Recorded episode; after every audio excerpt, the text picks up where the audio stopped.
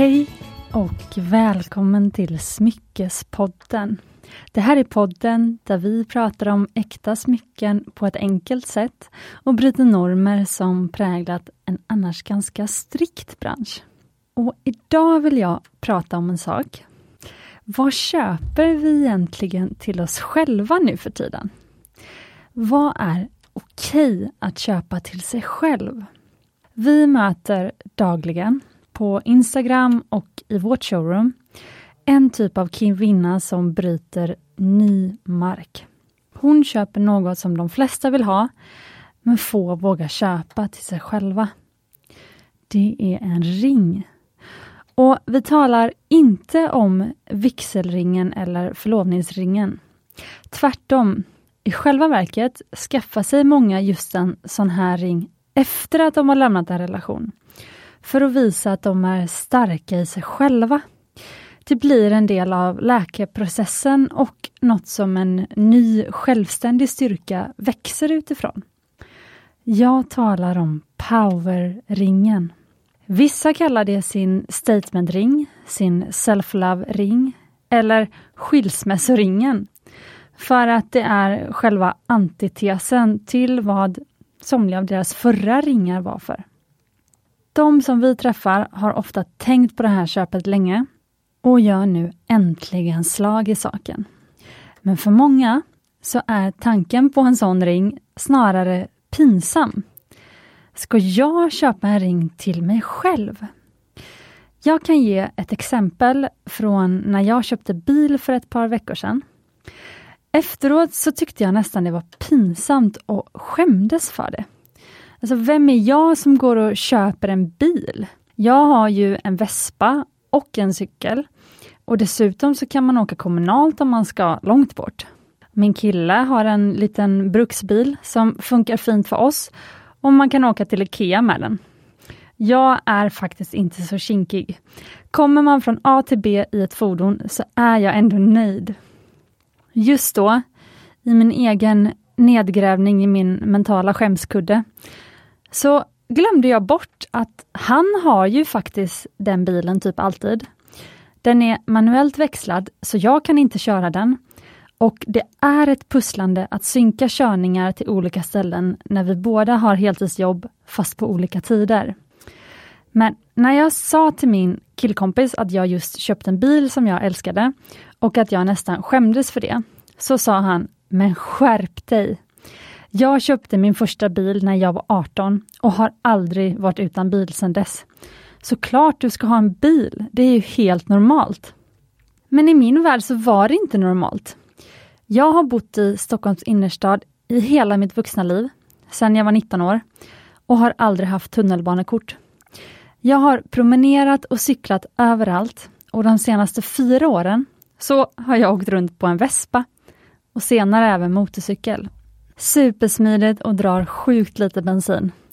Jag tankar upp Vespan för kanske 75 kronor och det håller att köra mig i åtminstone en vecka.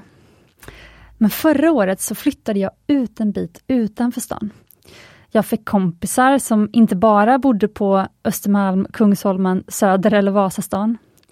Jag upptäckte områden i Stockholm som jag faktiskt ville åka ut till på helgerna och hänga i.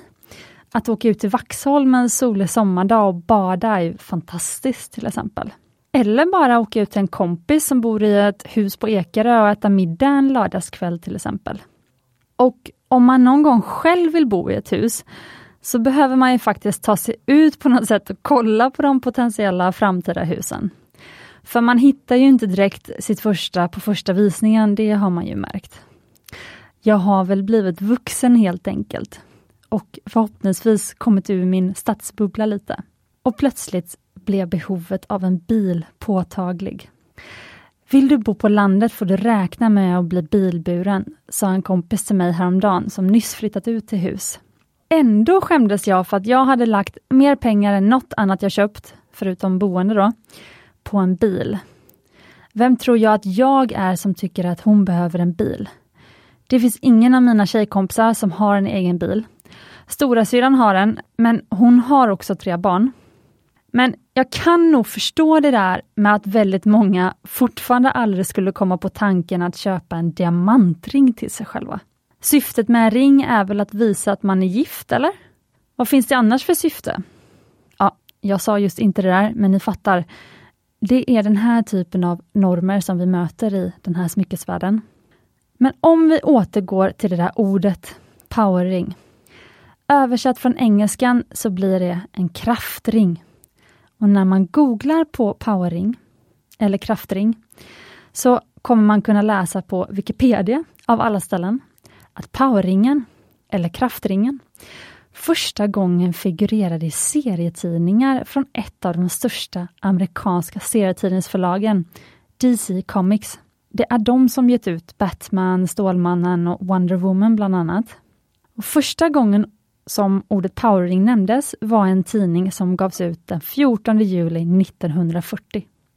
Man sa att den som bar en kraftring blev omsluten av ett skyddande, livsstärkande kraftfält.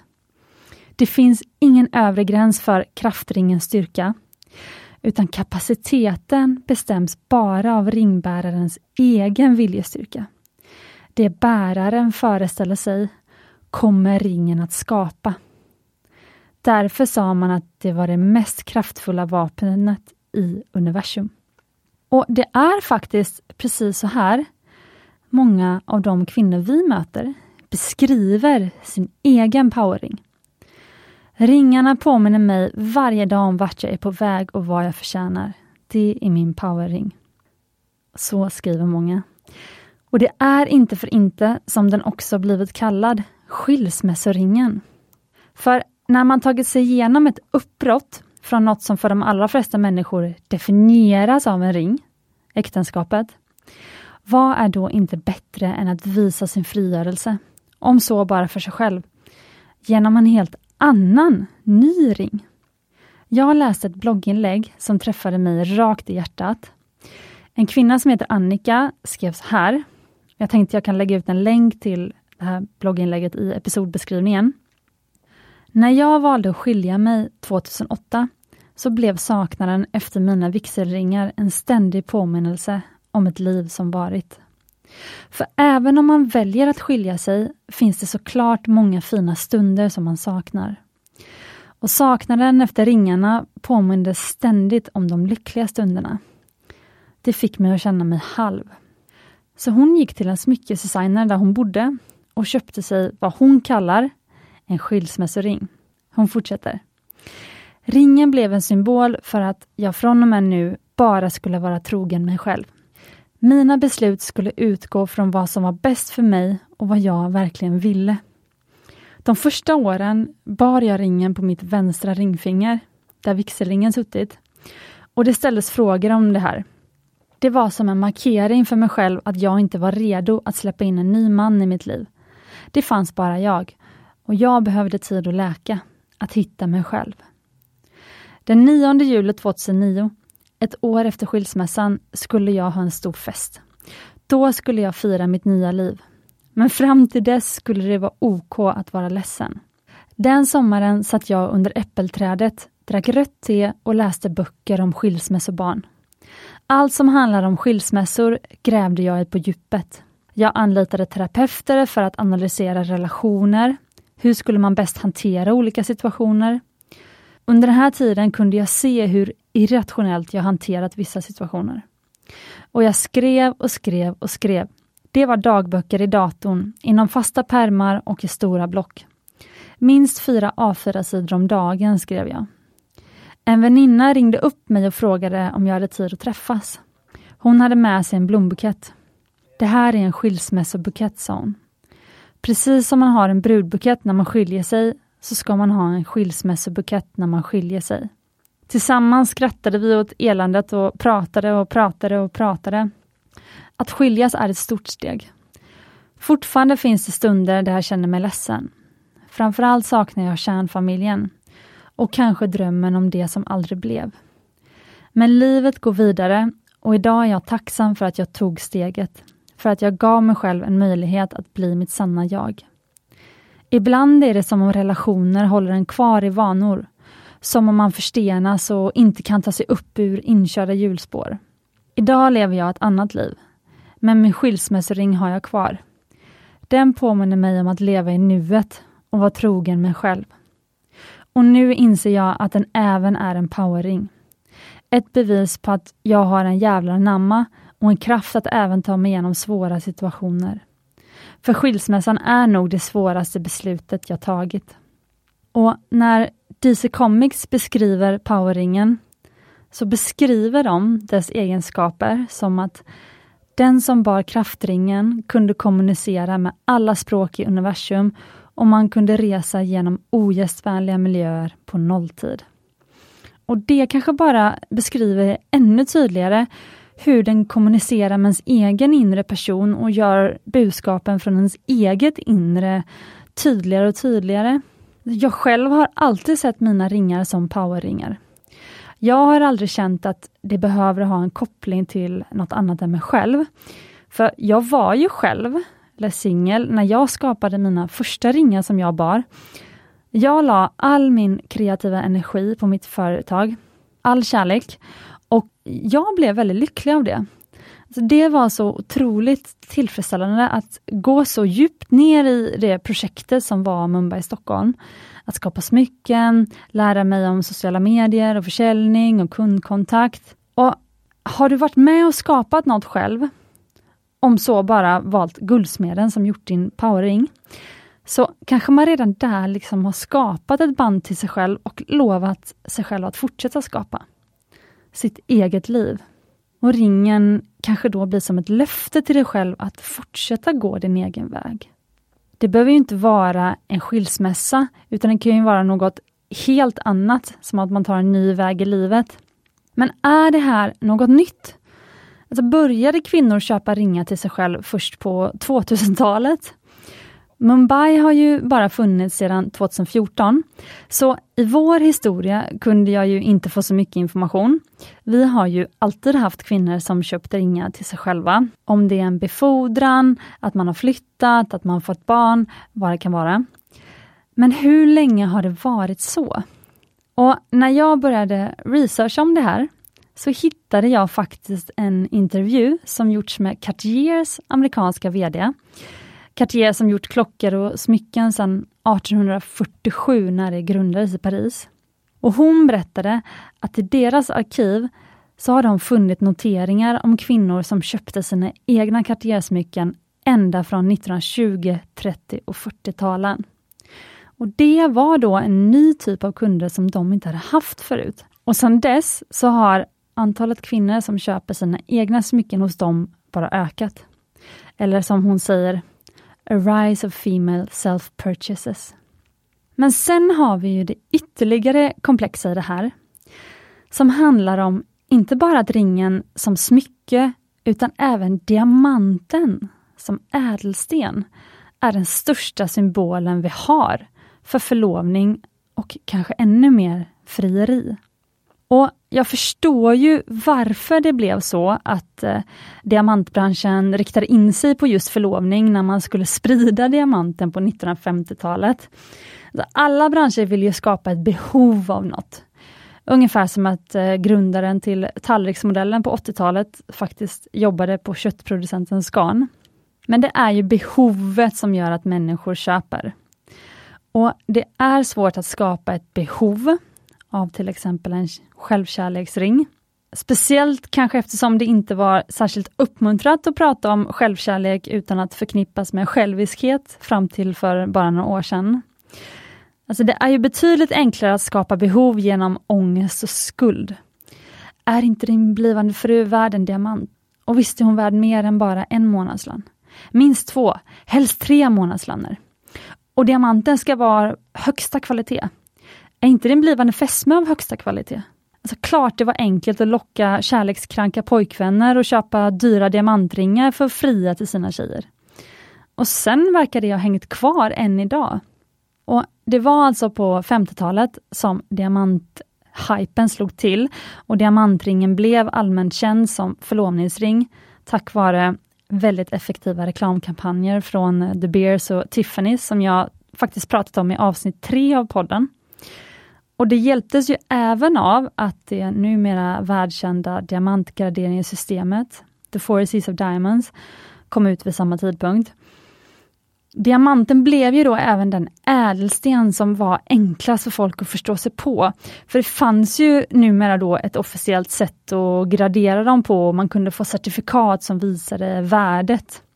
Och det här gör ju det ännu lite svårare att bryta sig fri från den här långlivade, segdragna och i mitt tycke förlegade normen om både diamanten men även ringen som en symbol för tvåsamhet. Alltså att köpa sig en egen diamant och som dessutom sitter på en ring, det går ju emot två normer. Men det finns ju inget annat smycke att välja på vid förlovning. Jag har i alla fall hittills aldrig hört om ett förlovningshalsband, förlovningsarmband eller förlovningsörhängen. Så vi lär ju få fortsätta leva med ringen på vänster ringfinger som en symbol för förlovning. Men sen bär jag ringar på vänster ringfinger ändå. Men det gör man ju som man vill, tänker jag. Vi på Smyckespodden kanske bryter normer, eller hur?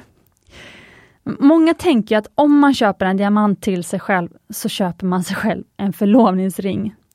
Men tro mig, det finns plats för många diamantringar i din garderob. Diamanten som ädelsten är ju den kanske viktigaste grundläggande ädelstenen att bygga hela din smyckesgarderob på.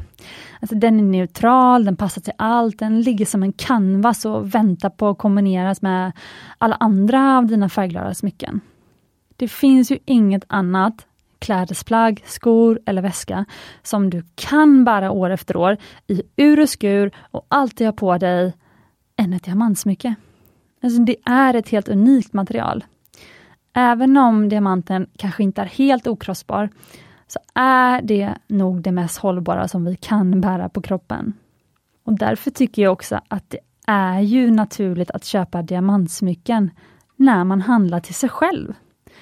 Relationen till sig själv är ju den man vet att man alltid kommer ha.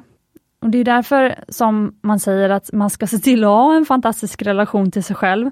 Acceptera sig själv med alla ens charmiga skavanker, både på insidan och utsidan.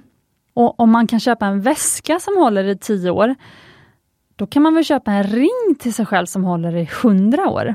För om man ser det på det här viset, som jag gör nu, så tänker jag att diamantringen är ju i själva verket det kanske mest självklara att köpa till sig själv. Den kommer leva lika länge som du och till och med finnas kvar efter dig. Och Sen är det ju en annan grej med ringen som smycke. Och Det är att det är ju det smycke som du enkelt kan ta av och på själv, i motsats till till exempel ett halsband eller armband som du nästan måste be om hjälp för att ta av och på. Och det är ju också det smycke som du kan se själv utan att ta hjälp av en spegel. Och sen om man ska fortsätta i de här tankebanorna, så tänker jag att det ökade intresset för äkta smycken, som jag tycker mig se yngre och yngre i åldrarna, är just det. Alltså hållbarheten och meningsfullheten. De flesta som har tonåringar i sin närhet, de vet ju att det kanske är de två ämnen som figurerar mest i deras huvuden. Alltså inte ens ett jobb där man tjänar pengar för att betala sin lägenhetshyra känns meningsfullt om det inte tjänar ett ännu högre syfte på något sätt. Och Varför då köpa något som håller i två år, om du bär det varje dag, som ett par skor? Eller tio år, som en väska, när du kan köpa något som håller i 25, 50, 100, 150 år, som en ring? Sen är det ju precis det här, så hållbarheten, som gör att det är så självklart att diamanten i olika former fortfarande är optimal även för förlovning och vigsel förutom som powering. Alltså, vad vill man mer bära varje dag om man är gift med människan i sitt liv? Sina bröllopsringar såklart. Och det är ju de smycken som man vill bära varje dag, som just gärna får ha diamanter i sig. Eller Safir, som är nästan lika hållbar. Och när jag träffar kunder så ger jag alltid tipset att när du köper en varje dag-ring som ska utgöra basen i din smyckesgarderob, välj diamanter eller safirer. Och det säger jag oavsett om kunden köper en varje dag-ring för förlovning, för vigsel eller en varje dag powerring till sig själv. Och jag talar verkligen om er, egen erfarenhet här, för det är mina diamantsmycken och safirsmycken som har hållit sig fina längst. Sen så ska jag säga också att det verkar inte bara vara kvinnor som gillar diamanter. Så många hidden diamonds vi har gömt på olika sätt i herringar, så vet vi att killar också vill ha ädelstenar och diamanter. Men många vågar inte visa det fullt ut. Man kanske gömmer den på insidan av ringen där bara du ser den. Så om du är kille och lyssnar, gå ut och köp en diamantring till dig själv. Du kommer inte ångra dig. Faktum är att jag tycker att det finns just en särskild stolthet hos de som har köpt en ring till sig själv. Alltså det är något aktivt, ett, ett val man gjort, ett beslut man tagit för sig själv. Det är inte bara något man blivit erbjuden och som man svarat ja eller nej på. Och om det är något vi firar idag över hela världen så är det väl självständigheten. Vårt fria val, alltså modet att gå sin egen väg, att inte göra som alla andra. Jag läste om en smyckesdesigner som beskrev de kunderna hon hade som kom in och köpte ett diamantsmycke till sig själva. Och hon sa så här, They gravitate to it because it speaks to them. They may fall in love with the piece immediately or wait months to buy something But it always feels like a very, very personal connection. Och det är ju precis så det är. Vad kan vara mer personligt än ett smycke du köpt till dig själv? Så föreställ dig en family heirloom, ett smycke som går i arv i släkten. Vilken ring skulle du helst bära? Farmors gamla vigselring från när hon gifte sig med farfar? Eller farmors gamla diamantring som hon köpte till sig själv när hon fick sin första befordran på jobbet? Din powerring kanske blir starten på en ny Family Heirloom. Och för övrigt, därför brukar jag och mina kollegor alltid propsa på att du ska gravera din ring. Graviren finns kvar i ringen långt efter att du har låtit den gå vidare. En ring är något så himla litet materiellt. Det är antagligen det, bland det dyraste du äger mätt i kronor per gram. Och hur kan något så litet vara så exklusivt? Bara det är ju en symbol för kraften i smycken. Så litet, men så stor betydelse. Jag skulle vilja avsluta med att ge min definition på en powerring. Det är ringen som får dig att se kraften i dig själv och agera på den. Inte stanna förrän du är klar. Det är ringen som du hämtar kraft ifrån. Den ger dig modet att följa dina drömmar. Det är ringen som ingen kan ta ifrån dig, för den är bara din. Och såklart så är det ringen som gör dig glad inifrån och ut. Och det jag ville ägna det här avsnittet åt var att prata om de kvinnor som gjort och gör slag i saken och köper sin egen diamantring eller annan äkta ädelstensring. Och inte vilken som helst, utan en speciell, genomtänkt ring som symboliserar något som bara är för dig. Och att det faktiskt kan betyda starten för ditt nya liv. Förändringar du vill göra som börjar med modet att köpa en egen ring. Bryt normer där, så blir det lättare att bryta dina egna normer i ditt eget liv sen. Det är en äkta powering för mig. Nu undrar jag förstås, har du köpt dig en egen powering? Hade det hänt något speciellt i livet som gjorde att du köpte den just då? Skriv till mig och berätta på Smyckespoddens Instagram så delar jag jättegärna i podden. Men jag frågar alltid först. Och nu firar podden ett helt halvår. Jag hade satt som mål till mig själv att jag skulle prova fram till juni. Första avsnittet släpptes i januari och jag sa hur det än går så ska jag släppa avsnitt varje vecka fram till juni. Och sen tar jag beslut om, om podden ska fortsätta. Och nu har vi varit i juni och jag vill självklart fortsätta med podden. Vi kommer fortsätta den här härliga poddresan genom att faktiskt bredda oss lite till. Jag ville att podden skulle vara en fantastisk resurs för den som söker information kring äkta smycken, ädelstenar och diamanter. Och jag ville ju prata om ämnen förstås som Får man köpa smycken till sig själv? Som första avsnittet var, och nu även idag. Och vad ska man tänka på när man köper smycken? Men nu vill jag också dela de personer som faktiskt bär smycken. Vilka är de? Hur kommer det sig att de har valt att bära just sina ringar eller örhängen eller halsband? Och hur ser deras liv ut? Vad symboliserar smycken för dem? Och hur ser deras powerringar ut? Så det här ämnet som vi bara precis har börjat toucha på i det här avsnittet, det kommer vi gå in mer på framöver. Och jag hoppas ni är lika taggade som jag. Ha en fantastisk dag och glöm inte, du är värd äkta smycken.